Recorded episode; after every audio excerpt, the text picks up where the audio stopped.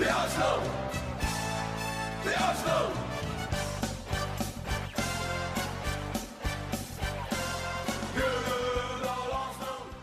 erum velkomin í Hæpur Íslandi, ég heiti Eithor Ég er Hilmar. Ég er Ottur Við erum með gest í dag, hann Einar Örn uh, fyrir hann til landsleismanni handbólt og íþróttaröðumann Verður velkomin, Takk fyrir það. það er ekki svona þokkaleg kynning eða? Ég held að þetta bara lýsir æfi minni nokkuð vel. ekki að gleyma neinu svona Nei, einhver svona stórvægilegu. Við ætlum sérst að taka fyrir mannsestarleikin og moldileikin í gær og síðan förum við svona í bara almennt arsenalspjall Já. og kannski bara byrjum á mannsestarleiknum og Einar, þú mátt kannski bara byrja Já, náttúrulega virkilega ánægilegt að ná nú loksins sigri á Old Trafford eftir hvað, voru þetta orðin 14 ár, eða ekki síðan? Jú, jú, jú, jú, ég síðast að vinna þetta. En maður svona pínu smeykur lengi vel, eiginlega allan leikin var í smeykur. mm -hmm. Maður svona held að þetta myndi verða svona einhver speilmynd að lestileiknum. Já. Góður í fyriráleik, fara aðeins að gefa eftir, fá á okkur eitthvað eitthva skítamark í lokin. Gerðist meira var- síðan næstu Fekk hann það í smettið Já, gerðist næstu því, sko, næstu því að klúra þig bara alveg, alveg sjálfur, sko. En svo eftir að, eftir að markið kom, þá var ég eiginlega meira stressaður. Yfir því að við ekki, myndum ekki ná að hanga á þessu. Já, já, já. Fannst við dróðum okkur örlítið og mikið tilbaka eftir að við komst yfir og, og svona. Mhm. En þeim mun ánægilega líka þegar að, þegar að loka flut hangall. Ég fagnaði miklu meira þá en þegar við skoruðum markið. Já, ég það með 100% Já, maður búin að sjá nokkur, nokkur snöpp og Instagram fögn sko bara hérna inn í stofu heima hjá fólki og svona. Og, og, og einhverju með sár eftir að slasa sig og svona Nefnir ekki nefn gáðum nefn ekki nöfn sko. En ég sá eitt heima hjá Oddi í gær. En mér fannst þetta samt eiginlega sami leikurinn okkar á móti City og Leicester. Ef að spá mig, á móti City fengu alveg fjögur færri fyrir áleik Leicester voru við miklu betri en það fjall bara ekki með okkur. Nei. þannig að það var gaman að sjá hann panika ekki, það var bara haldið í sam mm sem skilaði sem sigri. Og þetta er kannski ég er búin að reyna að benda kannski þess að framfara sem ég finnst að við erum inn í leikjunum. Já, en þeir eru bara það jafnir að þetta er bara eitt mark. Einmitt. og leifbúleikurinn alltaf fór bara svo hann fór en við lærðum alltaf á honum. Mhm. að það er ekki verið að ganga frá okkur svona nú leitni nei, það verðist þeirra búið allavega. Og, sem við erum núna bara á hálfu ári búin að vinna City, Chelsea, Liverpool tvísvar, Manchester. Vinnum Tvisvar. á nýjástak þannig að að þetta er þetta er alltaf aðeins skemmtilega, þau eru ekki alltaf bara að þetta er tapað, mann þú veist, að gefa sér ekki eins og tíma að horfa stundum að því að Já, og líka, eins og þú segir, tap er ekki sam og tap. Nei, það, Nei, er, nei. það skiptir máli hvernig leikinni tapast. Eins og leikinni við sitt í síðustu ár hafa verið og, og Liverpool núna síðustu tvö ár. Þetta er bara, við eigum bara aldrei möguleika núna er þetta færast yfir það, já ok, kannski við töfum fyrir Liverpool og, og sitt í en við erum að spila góðan leik. Og við erum að spila þannig að maður sér að liðið er búið að taka alveg stórstíðum framförum frá því bara fyrir árið síðan. Og frá því eiginlega bara fyrir hálfa árið síðan. Þú veist, þetta er að verða, verða miklu þjættara og miklu örugara í því sem við erum að gera. Það er fyrir, fyrir einu ári síðan þá hefði maður sagt ok, sensin okkar til að vinna Liverpool er við grísum á það ef við bara já. einhvern veginn fyrir eitthvað flúk undir Emery hefðum geta grísað á að ná í úslit á þessum öllum. Núna finnst manni liðið fara með, með það sjálfstrið það geti spilað sinn leik og spilað sitt leikplan og náða einhver út úr leiknum. Ek, ekki láta stilla sig upp í vegg og vonast til þess að náður einhvern veginn að spilna þér frá honum á einhverjum tímum og, og það er, maður er ekki að lesa Arteta eins og öðvöldlega maður var farin að lesa vengir sko undir lokans tímbils og Emre, þú veist, ef að þeir voru að gera eitthvað sko glóriur í uppstill, liðsuppstillingunni, þá hvernig bara vissum maður að þú veist, það var ekkert að vera að gerast. Og maður var ekkert veginn þannig fyrir þennan leik maður bara svona, herðu, Holding hann er bara búin að vera meittu síðustu leiki, hann er ekkert reddi en nenni, ætlar ég alveg að láta hann byrja þennan leik? Þú veist, hversu góðir voru þessi tvei leikmenn í leik mjög góður bara þú veist, það bara voru, veit ég hversu margir þurft að geta sokka eftir, eftir þennan leik sko. Ég er alveg persón, ég viðurkenni alveg, alveg að ég bara, ég, Jésúsaði mig þegar ég sá í byrja. Já, nákvæmlega og ég, og ég er gladur át minn eigin sokk eftir leikin það líka svo laga sett sko, eins og hann er búin að vera lélugur. Tala reynd út með hvað vann marga bolt og braut upp uppspilið hjá þeim. Og hann var duglugur sem við höfum ekki séð frá honum. Hann er búin að vera alltaf svona á afturlöpunum og skapa hann ekki flest Hans, jú, í, Jú. í þessu leik þá Já. skapa hann flest færi af öllum leikmönnum inn á, inn á vellum og, og talandi um að skapa færi sko, Bruno Fernandes er náttúrulega sá leikmann sem er búin að skapa flest færi í dildinni fram að þessum leik. Já, hann skapaði ekki eitt hann á færi. með færri held ég hefnaða sendingar en Leno Ég las það var líka sko, ég var svo fegin að þið spiluðu tígulina því þau kunnaði ekki. Það, þeir sjáu þetta bæði í íslensku deildina, menn hafa reynt tígulina, þetta virkar svona eitt leika, þetta kemur óvart.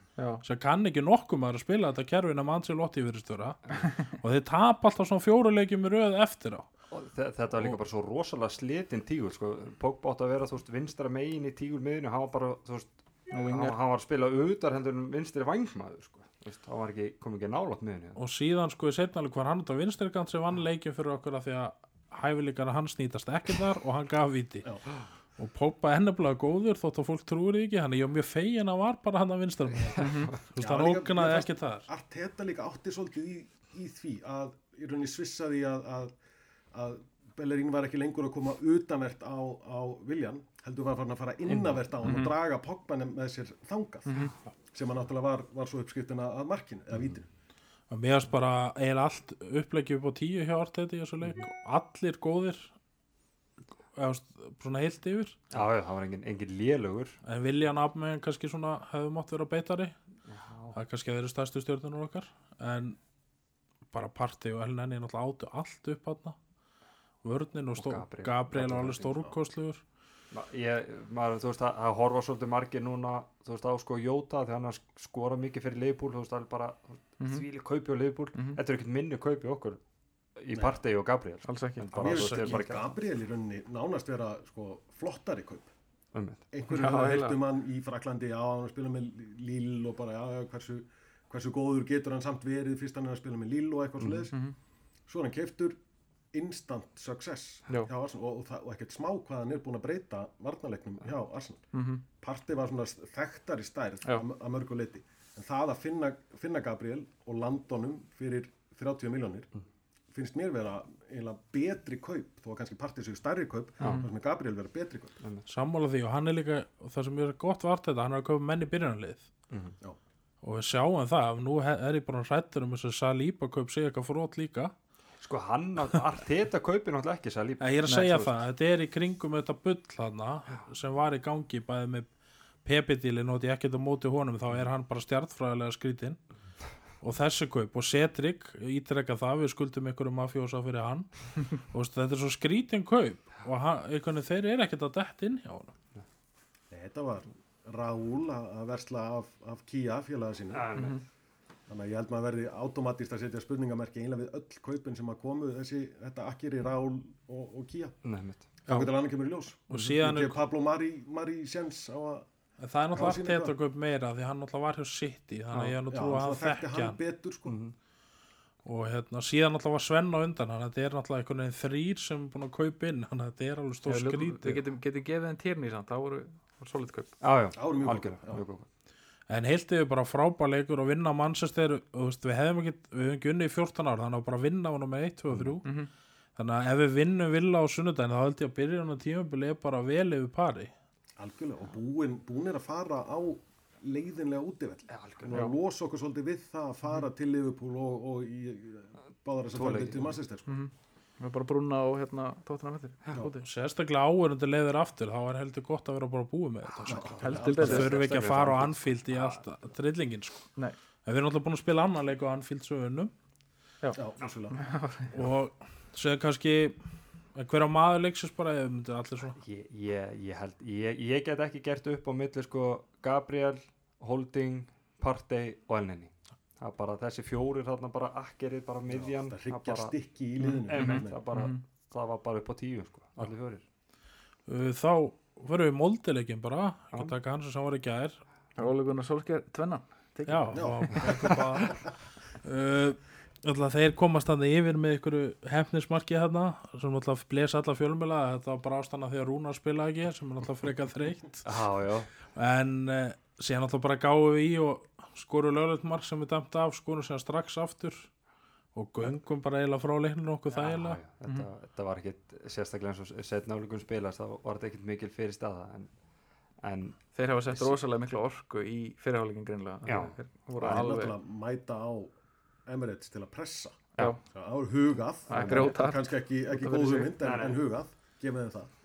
En, en sá var ekki kannski það sem að situr kannski eftir sem Íslendingur sá ekki bara svart á hvítu og sérstaklega sem Arteta segir svo eftir leik leik. Rúnar hann er bara að að vera varamarmar, hann er ekki bara að vera svona byggamarmar eins og búið að vera síðustu ár þú veist, við höfum haft Leno Jack og Leno Martínez og, Mhm. og, og það, þú veist núna er bara Leno er aðmarmarinn okkar Rúnar er varamarmaður og hann er ekkert að spila nema Leno þurfi kvíld eða er í banni eða meittur Mhm. það er bara þannig hann sagði líka að Európa-kjarnin væri ekki til að gefa en sens, hann væri hann til að vinna. Já. Þannig að það er líka breytir ykkur huga að fara í Arsenal. Sama með líka upp, hann er ekki að stilla upp veikum liðin þar. En sjáum hvað hann gerir ef, ef við náum 12 stegum í sem reyðli þá við konur upp frá honum. Hvernig hann stillir upp þá í síðustu tveimilegjum Já, þá, þá ertu komin í sko, þá getur þú gefið leikmönnum kvíld þá varst ekki að gefa tækifæri þá varst að, að kvíla Já. eins og hann verðist hafa verið að gera í, í síðustu viku. Mér finnst Jó Villok að bárið af í síðustu tveimleikjum hann, hann var líka bara eini sem gatt, þú veist, Arsenal voru bara svolítið á, á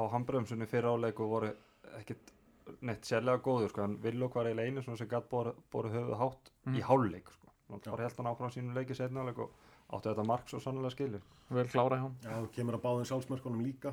Já. það er bara svona, það er svona ákefð í honum.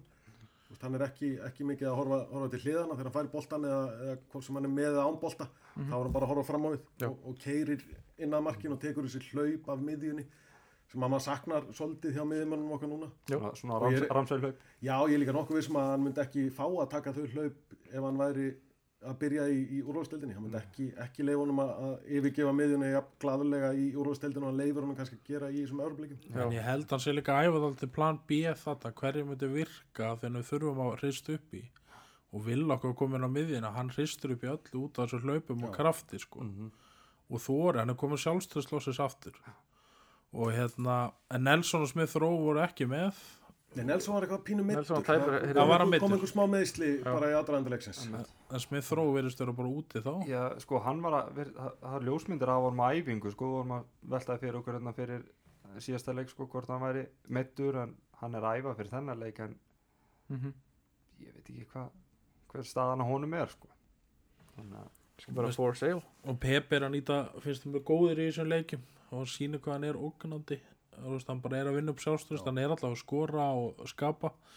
En þetta er náttúrulega en hann er svona, hann er svona frustrating leikmaður, sko, hann var, hann var að missa boltan á klaufulegum tímum í fyrra áleik og ótti lélar, þú veist, 5, 2, 3 metra sendingar, sko, Mhm. en svo veginn bara poppa hann upp og skora mark, sko. Það þannig leikmaður bara. Það er svona X-faktor í honum. Mhm. Já, ég held við þurfum bara að fara að sætta okkur við að hann er ekki, er ekki þessi Alexis sem við kannski vorum að vona að hann væri, Nei, nei, nei, hann væri einhver svona leikmaður sem hún getur byggt sóknarleikin í, í kringum. Hann er meira, meira svona gæði sem að mun pyrra þig Mhm. í 75 mínútur þá getur hann skorar hann er þetta gerfinni og mig gæði. Svona, þannig að gerfinni og mig löp en ég er samt til svona finnst miklu skemmtilega að horfa á Pep, Pepi til dæmis að Viljan Viljan gerir allt örugt en það bara kemur ekkert úr honum finnst mér orðið Nei, það og er svona í byrjun tífambilsins eða fattu hvað við, Já. hann gerir allt safe en það er engin X-faktor sama með Abom Eng og hinnum kantinum þannig að við höfum ekki til að brjóta upp eins og við erum rætt að lendi við erum alltaf með bestu vörnina Mhm. en okkur, við þurfum smá meira rock'n'roll í deildina að maður sá alveg þarna hann er náttúrulega viljan tekin út af örugla þegar hann fara að byrja, byrja á móti Aston Villa Já. Mhm. það er bara held ég sé nokkur Hendur ég gott hockey assist þar já. Já, síðan eigum við á Aston Villa sem er náttúrulega eru búin að drull á sig í síðustu tvei leikjum. Orðað bara rentu 4-0 undir í síðasta leik. Já. Það þarf að hamra á skotum að krafsa það tilbaka þeir hefðu hefðu ná að jafna þetta yfir 100 minna leikur sko, Já, það, sko. og hefði töpuð sem fyrir Leeds þar á undan 3-0 eða ekki? Mhm. Jú. og þannig að þeir eru alltaf svona særðir og Martínez að koma aftur þannig að spurning hvort hann eigi leik lífsins eða Já, það er að negla þá fyrir utan teig hann fær á sig fullt af mörgum fyrir utan teig. Hann að en ég held við klárum hennar leik. Já, þeir eru búin að fá sér sjö mörg og við erum búin að síðustu tveinleikjum, við erum búin að fá okkur sjö mörg á díambilinu en Grelis getur náttúrulega alveg meitt alla verið störa bara Já, X-Factor player. Alveg svakalega góður. En þetta verður spennandi. En ég held við klárum hann og þá getum við farið sáttin í landsleikjali. Já, klárlega. Það er alltaf gott. Og það var náttúrulega spurningu, það er ekki svo svakalega margir frá okkur orðið í landsleisverkuðum Nei, það er ágætt það. Ágætt að Nei, hafa bara það er ekki, mjög- ekki mjög margir sem eru að fara núna Bellerín verður eftir Leno fyrir ekki Jú, Jú, Leno Leno fer. fer. Holding er eftir og þú veist, ég er að við erum stálega með fullt af mönnum eftir þannig að það er að halda fínar æfingar Já, já. Já, já, akkurat, akkurat. og hérna þannig að ég held að við bara klárum hann að leika og erum ekki konum með 15 stig Jú. og erum bara langt ef við parið rauninni með það í fyrra sko. Mhm. það var ekki vottur á bjassin á þessum tíumpunktinni fyrra ef mann rétt Nei. Var þetta ekki bara síðasti mánuðan semri var hann ekki reikin í desember Jú, það var lóknóber held ég og allt þetta tekur svo við í desember já, og. Freddi tekur hana, smá milli. milli hopp. en það var kannski bara spyrja hérna hvernig líst þér á allt þetta og svona sem er búið Mér líst rosa vel á allt þetta. Mér langaði eiginlega að fá hann þegar Emery var ráðinn, en Mm. gerði mér alveg grein fyrir því þá að það var kannski órinnhæft og of snemt. Og svo var ég bara heimilifandi þegar hann tók við, núna í, í fyrra, eða í desember. að Og- við, já, að fannst, fannst hann einhvern veginn svona strax byrja að reyna að laga þau vandamál sem var áberandi að væru í, í liðinu. Þetta varnarleikin ger okkur aðeins svona meira solid, solid sem lið og svo vann hann betur í því í sumar og svo núna loksins kannski líka þegar hann hefur aðeins fengið að hafa meiri áhrif í leikmannakaupunum. Mhm. Þannig að það tekur við hóp sem hann, sem var bara í rusli, var bara ónýtur, móralst og andlega og, og samsetningarlega líka svo er keiftir einhverju gæjar í janúar maður veit ekkert nákvæmlega hversu mikil áhrif hann hafði á, á þau kaup. En svo einhvern veginn finnst manni svona sumarið og, og það sem að það sem að verslaði sumar gruna með að hafi verið eftir, eftir hans hjarta. Enda Gabriel búin að byrja einn alla leiki partið búin að byrja nánast alltaf eftir, hann, eftir að hann kom. Þannig að maður svona sér að nú er hann að gera sitt. Hann er að, að stilla liðinu meira upp eins og, eins og, eins og hann hann vill sjá liðið spila með leikmönnum sem hann veit að geta spilað eins og hann vill spila. Þannig ég, og svo treysti ég hann fyllilega til að klára líka að, að svona laga þessi göt sem eru, eru ennþá. Fá, fá einhvern svona kreatívan leikmann annarkvort núna í janúar eða, eða næsta, næsta sumar.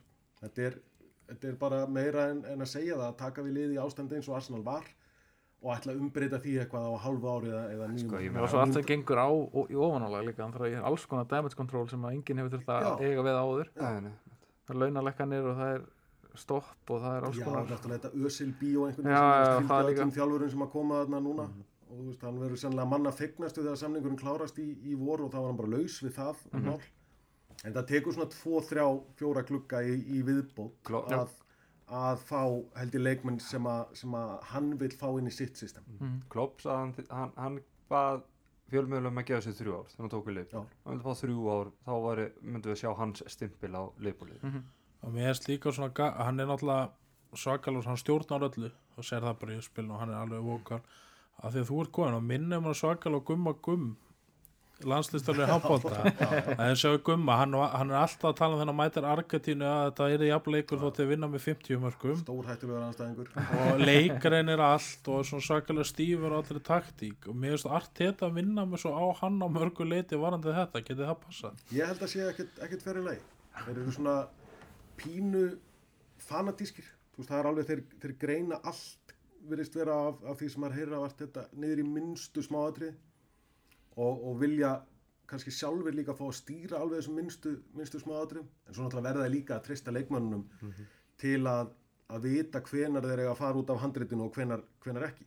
Og kannski ég held minn grunn er til dæmis að það sé svolítið ástæðan fyrir að, að Pepe er ekki að byrja að marga leiki og, og maður kannski vildi sjálfur er að Arteta vill að menn fylgja handritinu Mhm. upp að svona 90-95% en, en Pepe er bara ekki þannig leikmaður.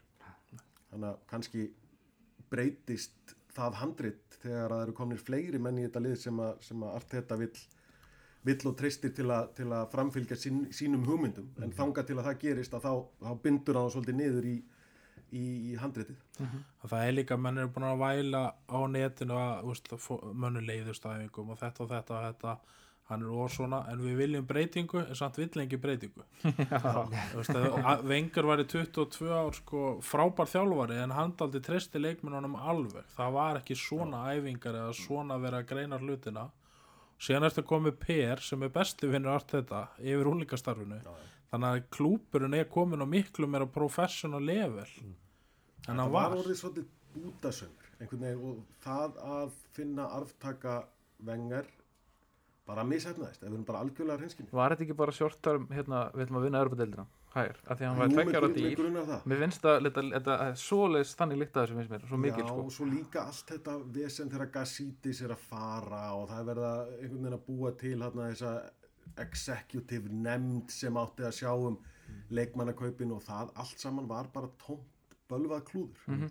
og Gassítis á náttúrulega stóran þátt í því líka að þegar að vengir er að fara að velja þá eins og þau kallað first team coach og svo einhverja, einhverja nefnd sem átt að sjá um leikmannamál og, og þetta var bara bölvað óttalegt klúður. Og nú er búið að einfalda þetta strömlínu laga þetta og bara orðið miklu meira pró með Edu, Per og, og allt þetta.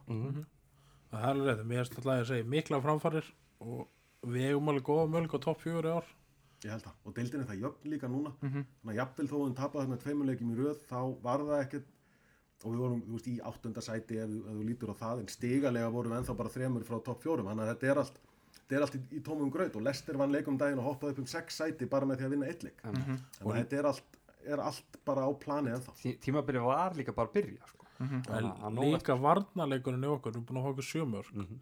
sem er minnst af öllum en öll liðin er að lendi í svona skellum mannsestir eru búin að tapa 6-1 og ger ekki tóttin á eitthvað 3-3 í aðtefli Jú. Tvisvar allavega Það er að segja, liðin er að fá sig, við erum að halda stöðuleik og ég held að stöðuleiki muni telja miklu meira en Jep. í venjulega árferði sko. Við erum ekki að rokka svona milli og hérna svo sitt í geti tekið leik 9-0 og tapa sem 1-0 næsta þeir eru aldrei þar, það er engin stöðuleiki Mhm. en við erum alltaf með hann og það gefur smá bjarsin og við munum ná þessu topp fjögur og vonandi bara herra en það og hérna og líka við erum að fara að kveðja þessa helvítis Evrópudeild með því að vinna hana. Já, það var mjög skemmtilegt. Já, ég er alltaf ekki ástu på þessu. Þetta er orðið voðalega þeir. Líka þetta eru svo leiðilegi leikir Þetta er ekki einu sinni leikir Við erum að spila bara úr, Úrslatakeppnin er þar hefur verið skemmtileg sko. Og hún er skemmtileg og núna mun Inter, Real Madrid, þetta það PSG þetta líka potið sko. Þannig að þetta það verður var alveg leikir. Þetta var ekki döðvel Það er voða erfitt að móti vera að sé að horfa á leiki á móti Molde og Já, Og tómur völlur og eitthvað, þetta er nú ekki alveg að bæta úr að spila við einhverja gæði sem eru aldrei hirt um sko. Nei, og, nákvæmlega. og eru ekkert mikið betri en við erum í dag sko. Í Þetta rauninni. íska lið sem koma um bara, Þeir þetta eru voru örgulega hræðilegir. Þeir mörðu hérna F á bara fyrir tveimur? Er, ekki, er þetta ekki þetta lið? Jú, og, og færingar núna, tóku færingar En þeir sjáu núna að menn er að gera grín á norska moldi hvernig þeir stóðu í Arsenal. Tóku Káur 7-0 í fyrra. Mhm. ég myndi ykkur að Káur hefði mætt hann eða skilja eitthvað, eða er svo stort stökkorðu á milli sko. en hérna en þá held ég verið bara búin að afgreða þessa leiki. Og hvaða leiku við eftir, eftir hlið, var það ekki Leeds? Jú, lít úti held ég. Lít úti. Er það fyrsti leikur eftir, eftir Eftir sem er mjög fínt, þeir eru ekkert búin að æfa þeir eru örugglega ekkert marga landslismenn þannig að það er örugglega bölvað að fá það Þetta hana er bara, bara spennandi er hann ekki með fléttunar hann í, í landsliðinu en þeir eru alveg svona 50-50 bara hvernig þeir mæta til leiks Mhm. þannig Já, að það þeir eiga frábæran leik eða, eða vonlösan leik. Já, algjörlega sko. Já, kannski bara að byrja, hvernig hóst Arsenal fyrir þinni að bara áhugi? Það var nú sko, ég á, á frænda sem er fættur og uppalinn í London og hann eiginlega bara sagði mér að halda með Arsenal. Hann er fjórum árum eldri en ég og sagði bara nú heldur þú með Arsenal og ég sagði bara ok og brosti og hef haldið með Arsenal síðan. Ég var ég- sex ára eða eitthvað sko. Svipaði hjá mér. Já, þetta, var þetta var ekkert, ekkert flókið og sérstaklega því að við, við eigum tvo aðra frendur sem eru bræður og miklir United menn þannig að þá var bara ágætt að búa þarna til tvær, tvær blokkir mm. þannig að þá bara svona byrja, byrja, byrjaði Arsenal áhugin og, og náttúrulega voru ekkert allt og margir Arsenal leikir í, í sjónvarpinu á þessum árum en alltaf reglulega og þá bara svona byrjaði maður að þróa þetta með sér kaupa búning og bolla og eitthvað, eitthvað svona eitthvað dótari þá var þetta fanatískara eftir því sem árin liður sko. Mm. Þannig að þú hvað er, byrjar að fylgjast með hvað Arsenal á hvaða tíumbili? svona kannski 85-6 eitthvað sem að fyrir að muna eftir því eitthvað sko. Alltaf fyrir minn tíma. Já, já. Það er bara einn annar en að sá fættur á þessum tíma sko. já, svona byrjaði maður að, þú veist, að taka eftir því að Arsenal væri til og, og svona að leita eftir úsliðunum úr leikjónum hjá þeim og, og, og svo eftir, eftir sem að bein útsendingunum fór að, fór að fjölga eða fjölga eftir að, sem að lögadagarnir duttin í beinar útsendingar og, og svo náttúrulega 89 sísonið er kannski svona svona fyrsta sísonið sem maður getur sagt alveg að maður muni nákvæmlega eftir því að hafa, hafa fylgst með. Og- En ég, ég á alveg Arsenal minningar frá, frá því fyrir það sko. Já. en ekkert svona þú veist, ég man ekkert hvernig sísonin fóru og er þá óvægt að segja bara eins og aðri sem mun eftir 89 tímabili að, að leikurinn 27. mæ það er, Já. það er bara þinn, Það þinn er- leikur já, í rauninni, það var svona held ég það sem að geirin eldi þetta endanlega sko Að þeir sem ekki, voru ekki hann uppi horfið á myndina Fever Pitch, Já, þá fáið þetta bytt í æð. bresku útgáfan, ekki Ja, bre- er að þetta bresku- Bresku með Mark Strong og var ekki Colin Firth. Firth. alveg frábæra, hún alveg, þá far maður upplöðu hana dag sem Já. hann alltaf, ég á tveggjara og mann ekki vel eftir þessu og hérna, og hefur farið á marga leiki eða, Sko, ég náði aldrei að fara á Highbury. Ég náttúrulega, maður var að djöblast í þessum handbólta sjálfur, þá átti maður einhvern veginn aldrei, aldrei fríhelgar til að geta farið til London mm. yfir, yfir vetratíma. Og það líka var bara ekki algengt á, á þeim árum. En svo hefur við meira núna eftir að, eftir að, eftir ég hætti sjálfur að spila og eftir að Arsenal fór á Emirates og það var auðveldar að skreppa bara í 2-3 daga, hef ég meira verið að, að fara á Emirates og fara einhverja fjóra-fimm ferði núna bara á, á síðust árum. Róbert, ég náði tveim leikjum á hæpir, þú ert náttúrulega með vinningi þar. Já, á, á okkur hér, Já. já, kannski. Ég er með núl líka sko, ég fór aldrei En það er eftir sjá að hafa aldrei náð að fara á mm. Sammála. Ég fór einu svona sumri til til London á meðan þeir voru ennþá að spila á Highbury og fór nú á völlin bara til að geta séð inn á grasið í gegnum einhverja, eitthvað grindverk. En það var náttúrulega ekkert í gangi þar. Ja, miklu mér upplöðin að fara þangað en Emirates. Já, já, þetta var allt öðru sér sko allt, allt, allt öðrum stemning og, og það sem var eiginlega svona skemmtilegast og það sem ég man, man mest eftir það er, þú veist, þegar við vorum að bruna í sókn og allir voru að standa upp það voru klöppinu stólum það er allir standa upp. Smittallir- allir stólar upp sko. það, það er bara einhvern veginn það, það situr nær því, sko. nær því ekkert aftur. En líka ef þið farið á Stamford Bridge sko, það er, hafið farið þar það er alveg styrla líka við tölum á aðra vellir svona þessar gömlu það er svo þétt að því að Emirates ert einhvern veginn eins og ert í bíó bara þú veist, það er pláss og Craven Cottage er svolítið svipaður eins og, farið eins og Heimis líka. var. Hann- hann var- það er mjög, mjög skemmtilega það krossisblötur og held að maður er dætt í gegn sko. En ég hef aldrei verið neitt rosalega hrifin af Emirates sem leikvang. Mér varst það allt og víður einhvern veginn með svona ég náttúrulega bjó lengi í Þýskalandi og þjóð verið að byggja sína velli nú, nútíma fullkomna velli en alveg sko snar bratta og það er bara mm eru alveg upp við völlin og stúkurnar eru bara brattar þannig út með gæjan sem er í sko röð 150 og eitthvað.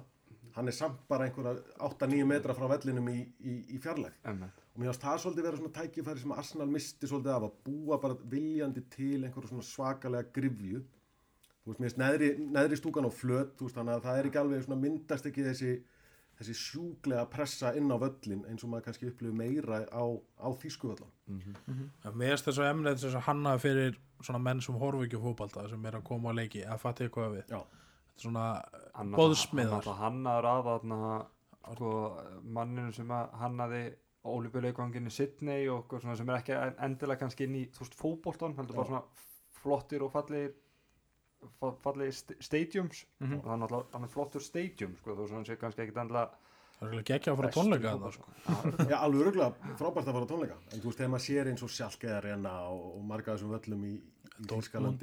Dortmund náttúrulega, hann er pínu bútasömmur að búið að smíða hann svona nokkur sinnum Mhm. en svona vellir sem hafa verið byggðir bara fyrir fótbolta, völlurinn í Frankfurt sjálfgeföllurinn og fleiri sem eru 55 50.000 manna, manna vellir og eru sjúklegar grifjur af því þeir eru svo þjettir og, og lokaðir alveg ón á, völlin Já. Það er alveg sammála því það var svona meiri stemning og hæpir á þetta.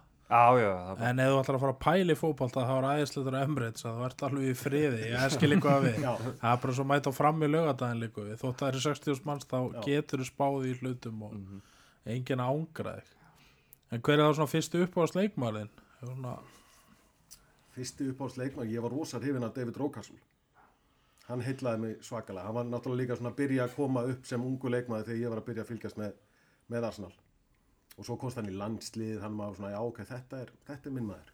Og svo náttúrulega varð hans Arsenal fyrir bæði glæsilegur og svo, svo sorglegur og svo náttúrulega dó kall greið en hann var svona fyrsti sem ég man eftir því að hafa haldið virkilega upp á sem, sem stuðningsmaður Arsenal. Var hann ekki með Jú, inn á miðinni bara Á og út á kantunum náttúrulega líka bara, bara þessa frægu sjö á Mhm. bækinu og bara svona líka sjarmirandi gaur, brósmildur og, og svona glaðlegur sem var kannski ekkert allt og algengt í ennsku fótbolta á þeim árum, með voru meira tannlausur og alltaf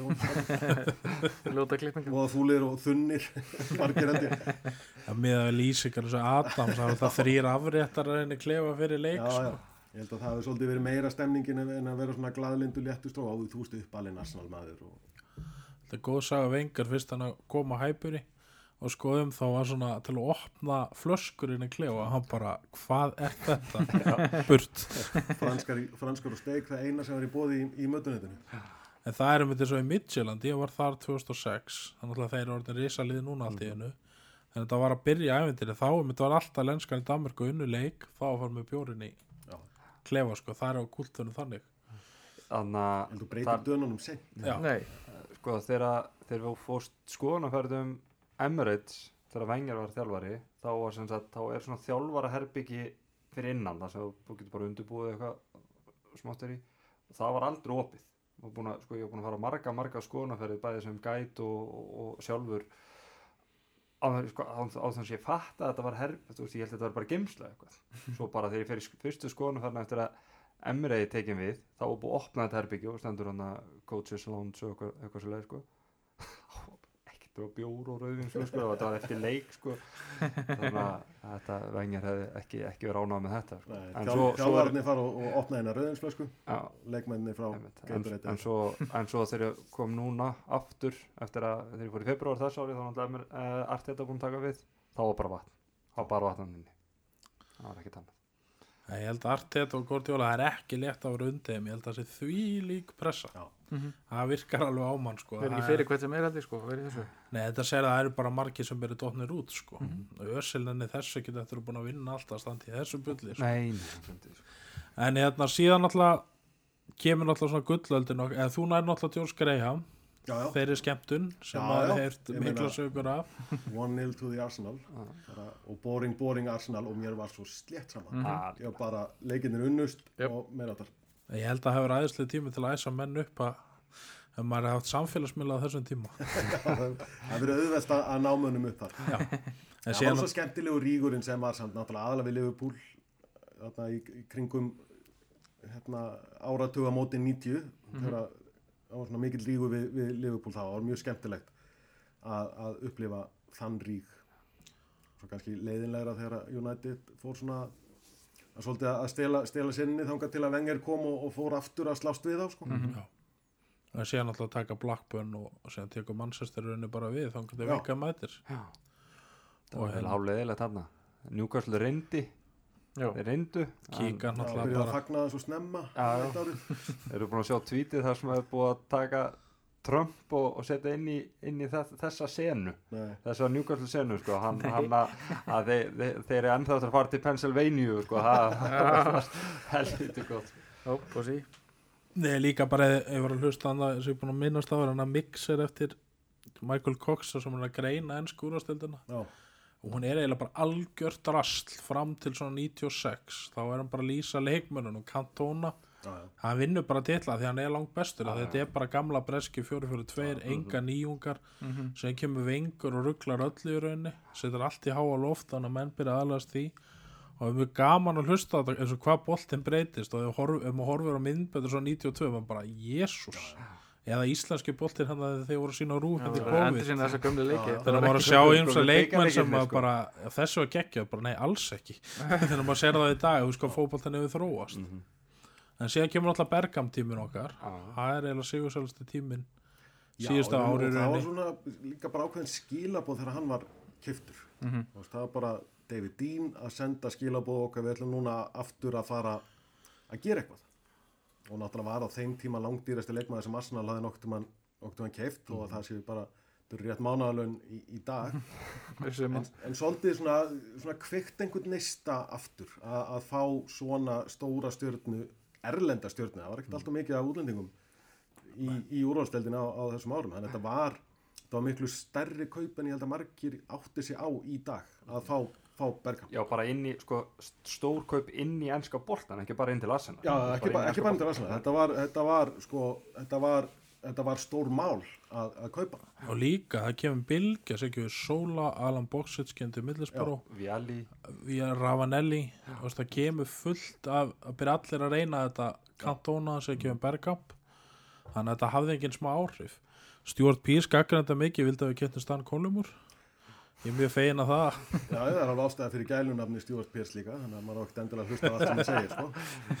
og hérna þá veist voru kaup, fyrst ætlaði að kaupa Setorf frá Sampdoria held ég Já. en Real tók hann eða Ajax til Sampdoria Real mann ekki þannig að þá tóku við Bergam þannig að stóð vali á milli þeirra að tvekja ég held að Setorf sko já, að ég seti orðið ekki haft þessi áhrif Nei. Nei. Og hérna, hvað er svona svona setna tímabil svona, þetta er náttúrulega þrjú lög hjá þér, það er Josh Graham Wenger og sem kannski nútíðum, hvað var svona næstu Já, og og ég raunin Wenger 1 og Wenger 2 Já. Wen- Wenger með Invincibles liðið og, og svona aðdraðandan að því kannski 97-8 til 2004-05 Mhm. og svo í rauninni Emirates tíminn hjá, hjá Wenger þegar hann þarf að spara. Já, en na, ég var náttúrulega mér fannst sísón 97-98 alveg frábært, Geggjað. sísón náttúrulega fyrsti titillin sem vinst þá í svolítið langan tíma, vinnum tvennuna og með lið sem að kannski held að ekkert margir hafa endilega sett pening á fyrir tímabili Viera, ungur, frakki er hann að fara að stýra miðjunni til, til sigurs? Emmanuel Petit ok, einhver frakki sem að ekki, mjög fáir utan Englands eða utan Fraklands höfðu bara nokkuð mann heyrt, heyrt minnst á.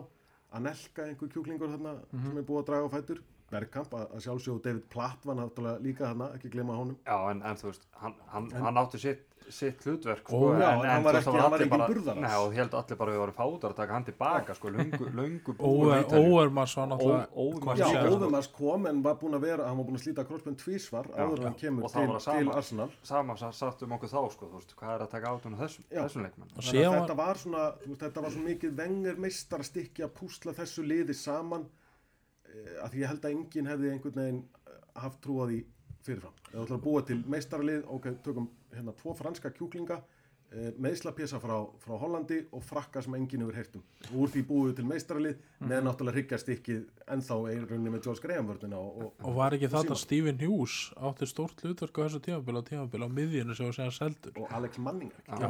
Síman mittist og Alex Manninger datt hann Hann náði að taka 10, 10 11, 12 leikja manningar, sko. Já, ég held að Stephen Hughes hafi náð einhverju svipu Já, hann var, ég maður skildi ekki, ég man alltaf ég var þessu tímabili tíu ára, svona fyrsta tímabili sem ég er all in, Já. bara frá byrjun og þá skildi ég okkur hann var seldur af því að hann átti alltaf svo fína leiki og hann alltaf bara í geggju í liði sko. Mhm. síðan fór fyrirlinu svo hann fór. Já, já.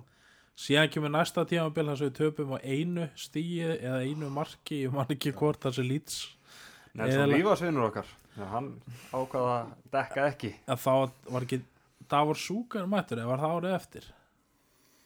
Hann mæti, Hvenær datt súkurinn? Jú, var það ekki bara þetta ár? að, Hann var allavega ekki, hann var ekki meistari með okkur. Nei, hann kemur í hérna og síðan kemur svona já fram á 2001-2002 þá erum við svona að máta okkur töpum náttúrulega sem ógeðslega liðupúleik í byggunum þar sem hens og sveran tvisvar með hendu á línu ef mann rétt. En þá er það svona mótast þessi þessi kjarni sem að verður síðan Invincibles liðið, og þá koma náttúrulega stærstu kaupinu Sol Campbell æðislega kaup. Því að hann alltaf bindur einhvern veginn æðislega allt. félagaskipti, við borgum náttúrulega ekki eigri fyrir hann. Nei, veist, en hann líka einhvern veginn bara kemur hann svo stónsutur og kúl og túri hann með sem enginn vissi hver var. Nei, nei. Þetta voru skemmtilegustu tíman á Arsenal og Silberto þegar hann kemur heimsmeistari með Brasilíu því líkt mikilvægt að fá hann inn á, inn á miðjuna og svona negla, negla miðjuna saman. Og Loren í bakverðinum Loren í bakverðinum, Píræs náttúrulega og það er ekki að tala um Andri Jensson. Og Silvan vilt horta einhvern veginn alveg ótrúlega mikilvægur. Kano. skilaði alltaf einhverju þegar hann, þegar hann spilaði. Og Asli Cole sem að sína að þeir við getum líka alið, alið upp góða leikmenn, sko. Þannig að hann kemur hann nú. það vantaði þessu på karakterinn. Það Já, klikkaði eitthvað þar. Já, eitthvað, eitthvað þegar hann fór að sjá, sjá aðeins svo mikið af pening. hann er að sem hann er, hann er vinner. Ég veit ekki, það er náttúrulega allt í rugglin það eru allir að fara og hann einhvern veginn ég skil hann eftir svona tíu ár frá þessu. Þegar ég las vital við hann þá var búin að jafna mig. Þá fatta ég alveg af hverju hann nefndi ekki að vera. Hann vildi náttúrulega bara feril eins og hinnir Já, Já, en þetta komment bara sem var haft eftir honum, þú veist, honum brá svo mikið þegar hann fekk launatilbóði frá Arsenal, hann keiriði næstu í út af. það, já, að það munaði eitthvað 5.000 pundum Þú eitthvað, þarft ekki, að- segja þetta. Þú ert alveg upp á fjölinu, þú ert búin að vinna allt með Arsenal, farðu bara þá með sómið, þú ætlar að fara, ekki þá skella hurðinu og brjóta glerið í henni á, á leiðin út. Farðu bara með pínu sóma. en Það þetta er er, minnsta máli í heimi fyrir hann að gera það, en karakterinn einhvern veginn virtist ekki leifa það hjá hann. en hann vann þú veist, það er bara þetta sem var í liðinu þetta, þessu erfiðu karaktera sem unn það er ekki létt að vera með Lehmann, Sol Campbell, Asle Cole og Loren var náttúrulega bara sturlaður allavega inn á vellinu, bara tók menn í tventi mitt til Ljúmberg Og Martin, Martin Kíón náttúrulega alveg snar líka, sko. En samt dreif það í Eva uppbólsmyndina sér Titanic, það var alltaf að dreigja allt í Eva sem hann segir. Já, já, ég sko, ég, hérna, ég rakst á hann á hótelbar í, á HM í Rúslandi fyrir, Yes. ég man ekki eins og hvað leikur var. Það var sennilega fyrir nýgreifleikin, þá var hann fyrir BBC þar og ég rakst á hann þar og, og spjallaði eitthvað aðeins við hann. Alveg salirólegur og sultuslagur hann verðist bara svona vera ein ein af þeim manneskum sem er algjörlega rennur ekki honum blóðið utan allar Mhm. en um leið og hann kemst inn á, inn á völlin þá síður í honum blóðið og hann bara langar helst að býta næsta, að býta anstæðingin á háls. En það er um þess að minnum á hérna, Þorvald Ölling sem er búin að mikið umræðin undanfarið, þú maður tala hann einn og einn. Bara ljúasti maður sem sem að gömul mynd og hann bara reynir að drepa alla, alla leikir það er ekkert eitthvað 50-50 og sem bara var ekki oldbóðsleikurinn hann styrtaleikurinn sem var síndu fyrir svona fjórum árum? Þá reyndi hann að fóbrjóta tvo. Allir hann að 50 er að bara hafa gaman. En þá einhvern veginn eins og segja þá svissast bara í hausnum á þeim já, já, og þeir bara þeir eru að fara í stríð. Þeir lappa inn á, inn á fótboltavellin þessu utan eru þeir bara einmitt Titanic upp álsmyndin og allsælir einhverstað bara Selin Díón bara plötunar upp í hillu og... En þetta er einhvern veginn að koma núna bara eins og með Gabriel, Thomas, þú getur ekkert búli okkur lengur, eða. Týrni hann er náttúrulega alveg, þetta attitút í honum. Og veistu, það er kannski að koma aftur en þarna voru náttúrulega bara karakterni sem voru í liðinu. Og það var eins og hérna Fabregas, það er mjög gott vitaleg hlustur og allir á hann komið arsblokki Já. vitur, Já, það sem hann er að lýsa svo líka koma svona vorki, og sko, maður vildi fá hann aftur og hann vildi líka, sko, hann er bara jafn ekki arsenal maður og við, sko.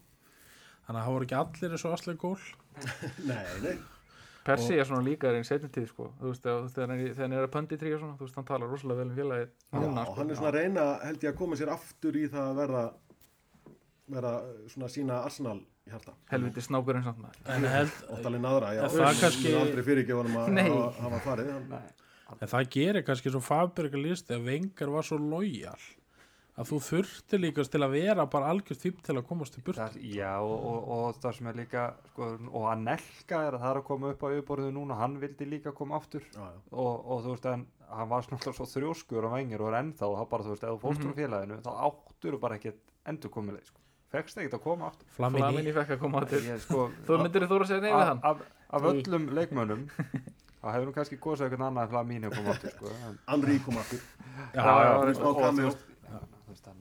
þetta er sérstætt en það, sen Emirates tímin það náttúrulega er eiginlega bara Fabregas og Percy, eða er talað þangur til núna svona, Já. sem voru framan á og síðan koma Özil og Sanchez Mhm. og við náttúrulega aldrei ná að fylla þetta skar sem Sanchez skildi eftir sig það var svona Nei, svona- það var rosalegt hvað það var eh, stórt skarð og miklu stærra en maður gerði sig grein fyrir þegar, að, þegar hann fór og líka Özilurinn er fyrir með honum á sama tíma Mhm. Já, Þeir- senda Þeir þurftu bara á hvora um öðrum Já. að halda því að ferillin hjá þeim báðum fer bara í skrúuna Já. eftir að þeir missa hvern annan sko. þannig að já, En Því lít líka- gott fitt þessi tveir og Já. Kassóla með þeim mhm. Já, Cazorla Cazorla náttúrulega- náttúrulega Cazorla þvílík synd hvernig, hvernig þetta endaði allt með, Já. með hann Cazorla sko ég held að hann sé sá leikmann sem við náði besta úr Ösil af því að hann náttúrulega bara vann boltan og hann fann Ösil alltaf í svæði Mhm. alltaf, þannig að Ösil þurfti ekkert að gera neitt annað en að búa bara til færi Mhm. þegar hann var búin að fá boltan frá Cazorla fljóta svona um eins og hann gerir alltaf hann Jöp. flýtur einhvern veginn um Mhm. í hólunni hann fyrir, fyrir rosalega mikið hvað ef að þau mistum hann maður. Að líka sko með svona góða leikmenn venjulega leikmenn skilja á ekki. Kára átna á lýsa daginn um að þetta spán í æfingarleik var ekki 2010 eða jafnvel fyrir og hann spurði Eðsmára hvernig hann ætti að dekka Savi hann sagði, Eður sagði, farið bara frá hann og næri aldrei boltanum og Kári fór að akra sig yfir fjóru sinni með röðunum og hann var alltaf farin bara, hann vissi ekkert hvað hann var sko. þeir eru svo langt á undan Sér þetta þegar Henry er að reyna að þjálfa hann er bara að segja við það, bara, gerðu bara þetta og þeir Já, geta ekki, mál. bara eins og hann og hann fattar það ekki að menn er ekki svona góðir eins og hann þú veist. Það er svo klopp sagði, ég er fegin að ég var lélugur af því að ég vorkinni síðana því að hann var miklu betur en allir sem er hafa hvernig hann þannig að þeir skilja ekkert hvað hann er að tala um sko. og sem er oft með bestu þjálfarna þeir voru endilega ekkert bestu leikmenninni sko. nei, nei, þú veist, Wenger var ekki, ekki góðu leikmann, Mourinho hann var ekki, hann var ekki leikmaður sko. Svo- skreif á fínni eða ekki ég, Jones Graham var, var fín sem leikmaður í því svo kerfi sem hann setna bjóð til sem, sem þjálfari já, Já. Bara grjótharður og, og lús yðin og, og ég held að margir, margir þjálfarar líka sem voru góðir leikmennin byggða kannski á því, á, á því að vera lús yðinir ná að fljóta, fljóta svona þetta verðist vera rosa erfitt fyrir eins og Henry Mhm. að, að ná að koma sér út úr því að, að það er ekki allir eins og hann Nei. og það verðist vera mjög bara mjög erfið lærdómskurfa fyrir marga að átta sig á því að, að það er ekki allir gættir þessum sömu náttúrulega hæfileikum og, og þessir, þessir bestu Nei. og fyrir þessa bestu að átta sig á því að gæjum við hliðina þeim veit ekkert hvað þeir eru að tala um Mhm. og veit ekkert hvernig þeir eru að framkoma það Þetta vitni Óla Prygg meðal annars sem er svona skemmtilegast að finna sig í síðan Já, sko. já, ég meina það var bara sama, sama fyrir hann, það var erfitt fyrir hann að átta sig á því að þessi enginn hvað hann var að tala um En Þetta er einmitt sem er Arteta sem hann hefur kannski fram með Savi inn í Esta sko hann þurfti að fara til Paris síðan þurfti hann að fara til Rangers síðan þurfti að fara til Everton hann þurfti að ströggla allan sem feril eða skilja hvað við. Og komst aldrei í landsliða því hann var alltaf að, að vittlis í landslið ekki alveg nógur og veist, hann er að hafa svo mikið fyrir öllu þannig að hann veit miklu meira hvað er að hafa fyrir hlutunum. Þú veist, þetta kom ekki að sjálfu sér hjá honum. Nei. og hérna sem gerir það að verkum að hann veit alveg hvað er að vinna hann undir Móis og hann tekur aðstofum Steve Round með sig frá Móis Mhm. þannig að það þeir eru náttúrulega notið fútbolmanager til að kaupa leikmenn.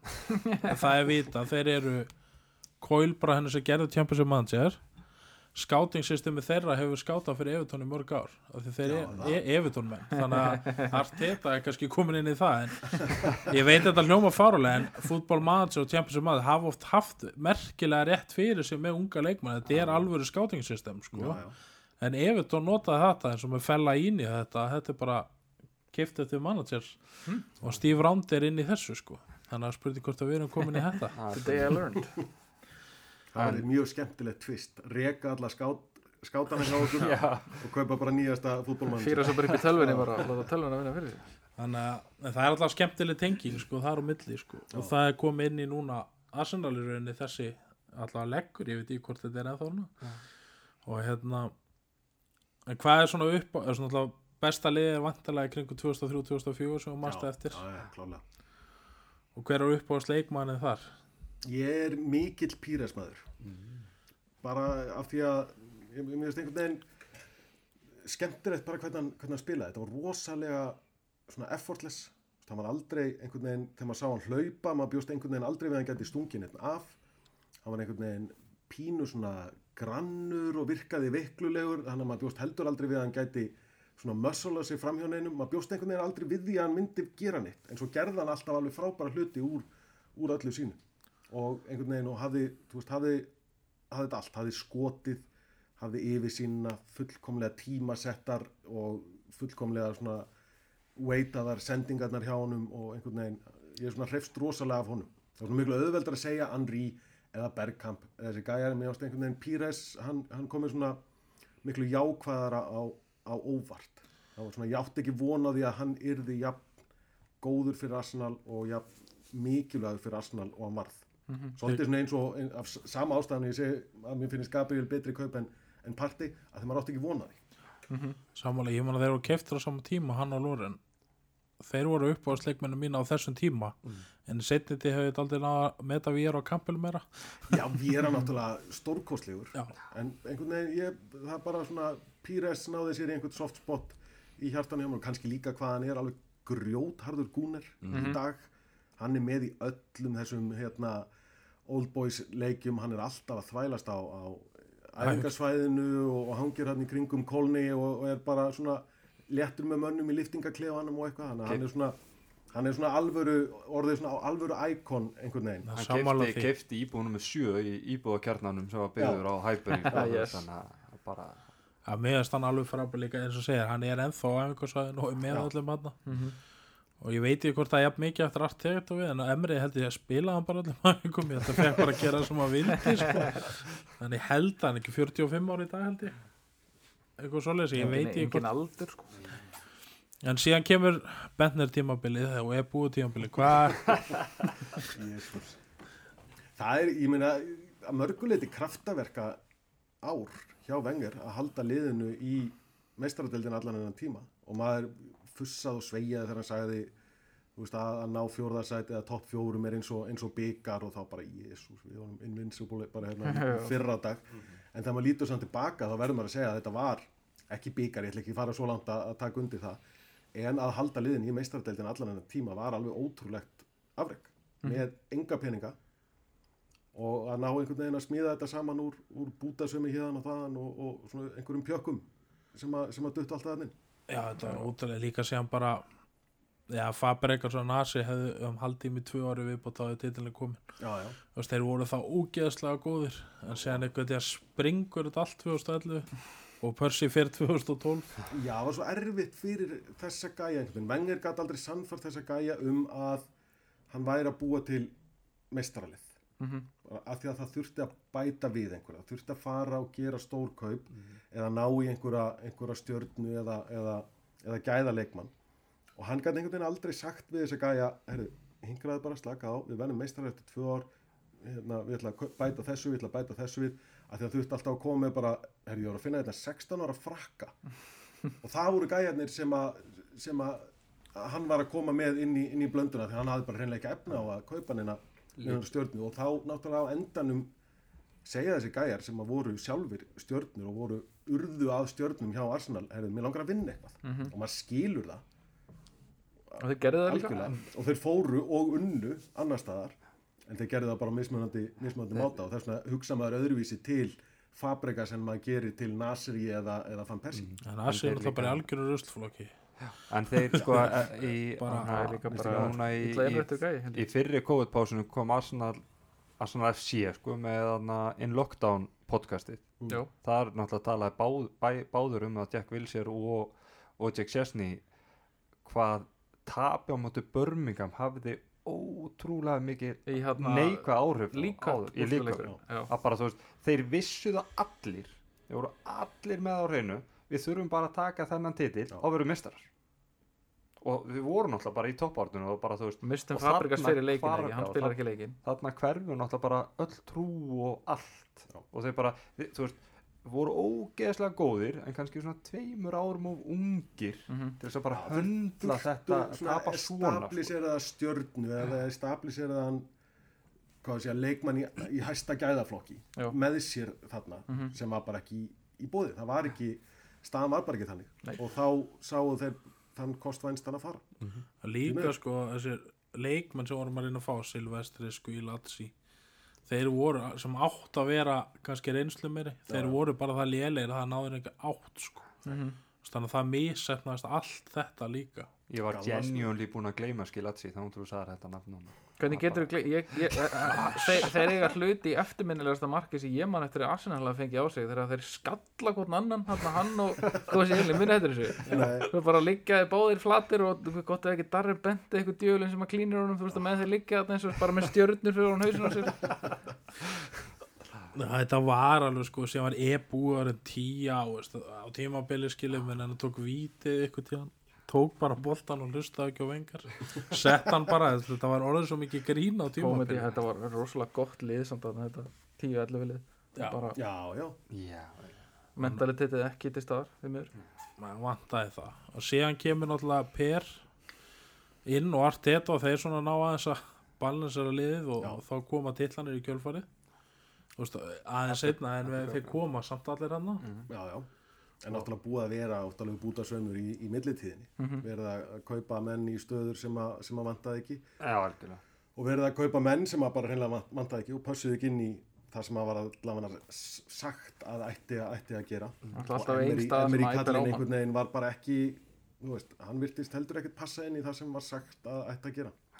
Nei, líka sko eins og núna, nú erum við með skiladri, svo, við erum með Maitland Niles, Bellerín, Tierney, Kólasinni og Cedric fimm bakurinn þannig þurfum bara fjóra í rauninni. Já, Þú veist, þetta er líka ennþá og miðverðinni hvað erum við 15 það þess að það spilað með Já, en hann er bara í bakurinnum veist, hann fær ekki tækja fyrir hann á öðrustjóra þannig að það er ennþá þess að leifar af þessu, við erum allt og marga leikmenn í sumu stöðum Já. sko. það var náttúrulega reynt aðeins að létta á miðvarða pakkanum í, í sumar en tókst ekki alveg. Panos fór sem að var hvort þeir ekkert að, ekkert að spila en við sitjum uppi með rosalega, rosalega mikið að miðurum þetta er líka skelvulegu tími að reyna að selja eða losa sig við leikmenn sem eru kannski þú veist svona aðeins og háun launum með við getur stig sko. mm -hmm. það er sem Manchester United ég lendi að vorum að spila það verri en við að þeir sko er náttúrulega með einu klassu ofar dýrari. Mhm. eins og Pogba, DG eðlilega árferði hefðu kannski geta losa þá út og endur en þeir gáttu til dæmis ekkert endunni að við gáttum fengið menn inn en við erum ekki að losna við neitt. Nei, nei. þannig að þetta er svo erfitt núna. Og hérna en Ösil rennur út á samningu næsta sumar. Mm Mhm. Sókratis líka en Mustafi, held ég líka. Já, þannig að þá losnar um alveg ykkur á miljónum punta ég sá nú helviti gott tvít sko, það voru töluð um hann hann að húsfæim í, síðasta þætti sko, Mm. þú veist hvort var hann reikin að því hann bauð Mustafi nýjan samning eða því hann gati ekki fengið Mustafi til þess að skrifa til nýjan samning en maður skilur nú alveg Mustafi að hann vilja fara. Hann Já, alltaf hefur einhvern veginn alltaf lagt sér fram eða mínu upplögin og alltaf tilbúin að koma aftur en hann er bara aldrei fengið breyki á stundismunum Nei, og maður, ég vorkend honum að mörgu, mörgu leiti hefur alveg átt góða leiki Byrjar- byrjar alveg ágætlega, byrjar, sko. byrjar mjög vel hann átti þegar eitthvað 20 leikja taplust rönni eitthvað svona kjöldaði en svo einhvern veginn kannski og líka sérstaklega undir, undir Emery þá bara einhvern veginn það var líka ekkert skipulag og engin struktúr á, á varnaleiknum og það einhvern veginn það svona ykti þá veikleika sem, a, sem að Mustafi hefur sem er hræðilega ákvarðan að taka. Mhm. og á það mjög oft til að það bara verður strömmróf í, í hausnum á Já.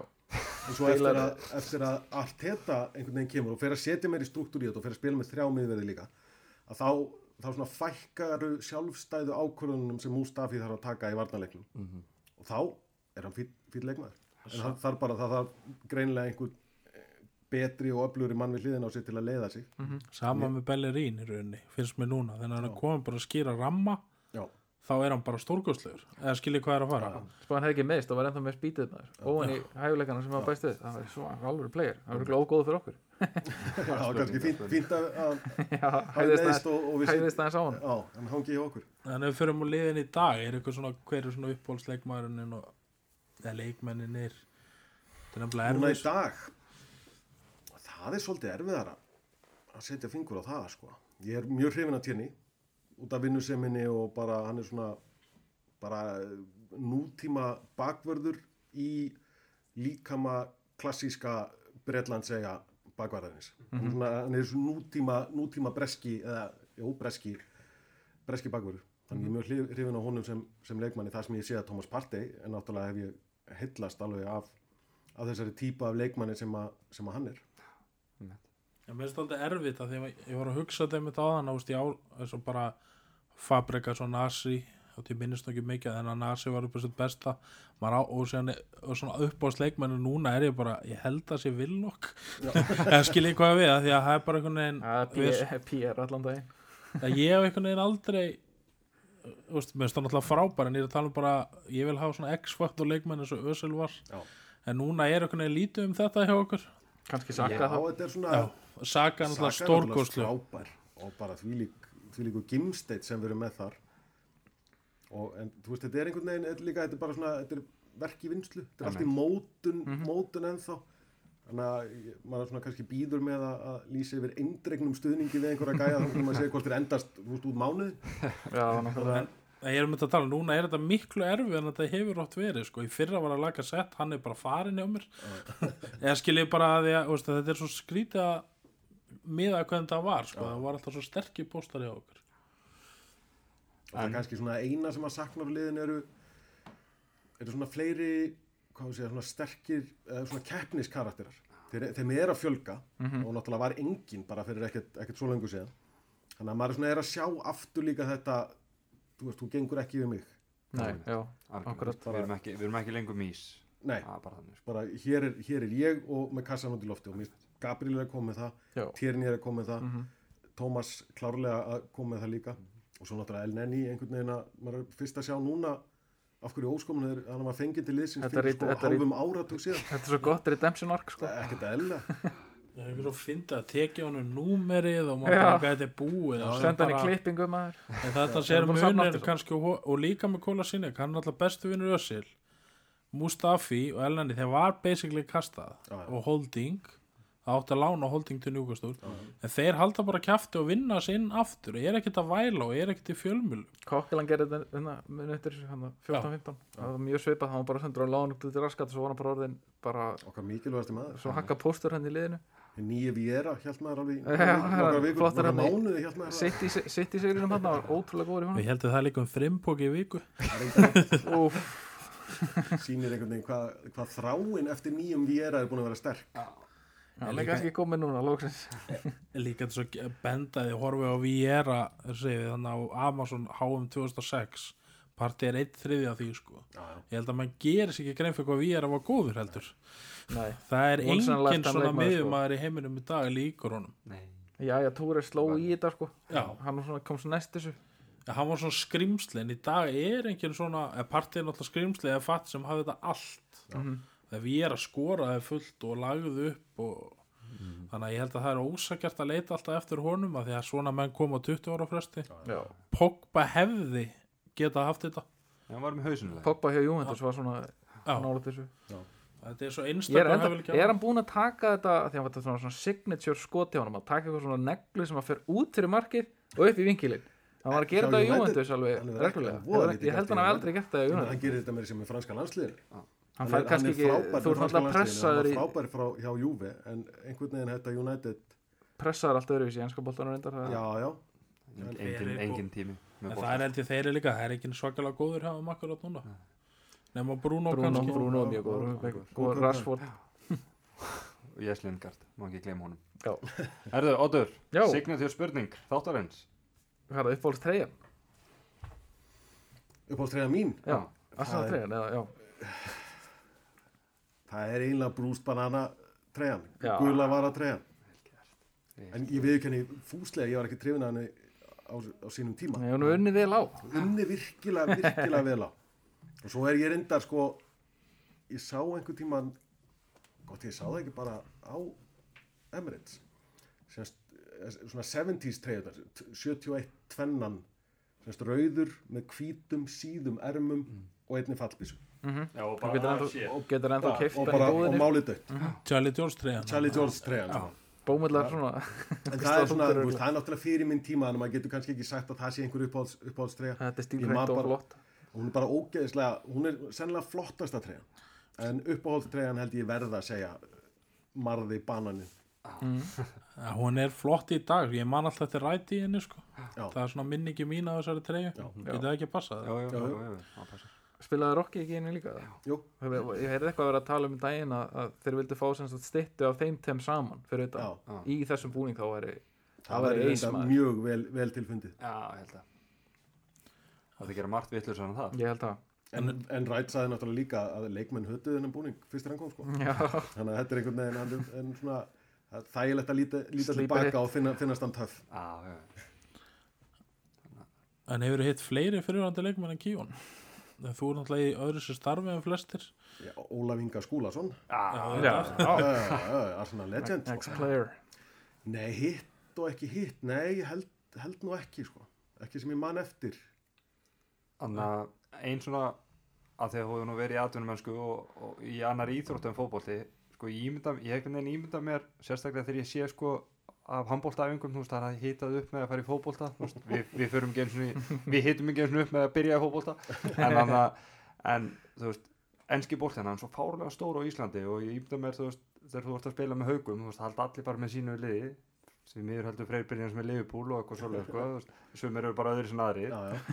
en eins og þeir eru út að spila í Þýskalandi þú veist, vi, vita þessi leikmenn hvað lið bara yfir höfuð eru á England já, já, það er alveg svona fín meðvitund um mennska boltan í, í Þýskalandi þeir kannski ekki, eru ekki með sín lið eins og við við hérna heima mér finnst meira að maður veist, fólk frá Skandinavíu sem maður hefur spilað með þeir eru alveg veikir og við þessu hef ég heyrt. Já, þeir eru miklu frekar sko, það er bara einhver grjótarður hérna, normaður í Tromsö sem að er bara alveg grjótarður arsenalmaður. Mhm. En þjóðverðarnir kannski eiga ekki sín, sín lið en það eiga þeir líka, gríðarlega sterkar til já, þeir eru svo mikið af sterkum liðum sem eru að, keppa á efstu stigum Evrópukeppnar.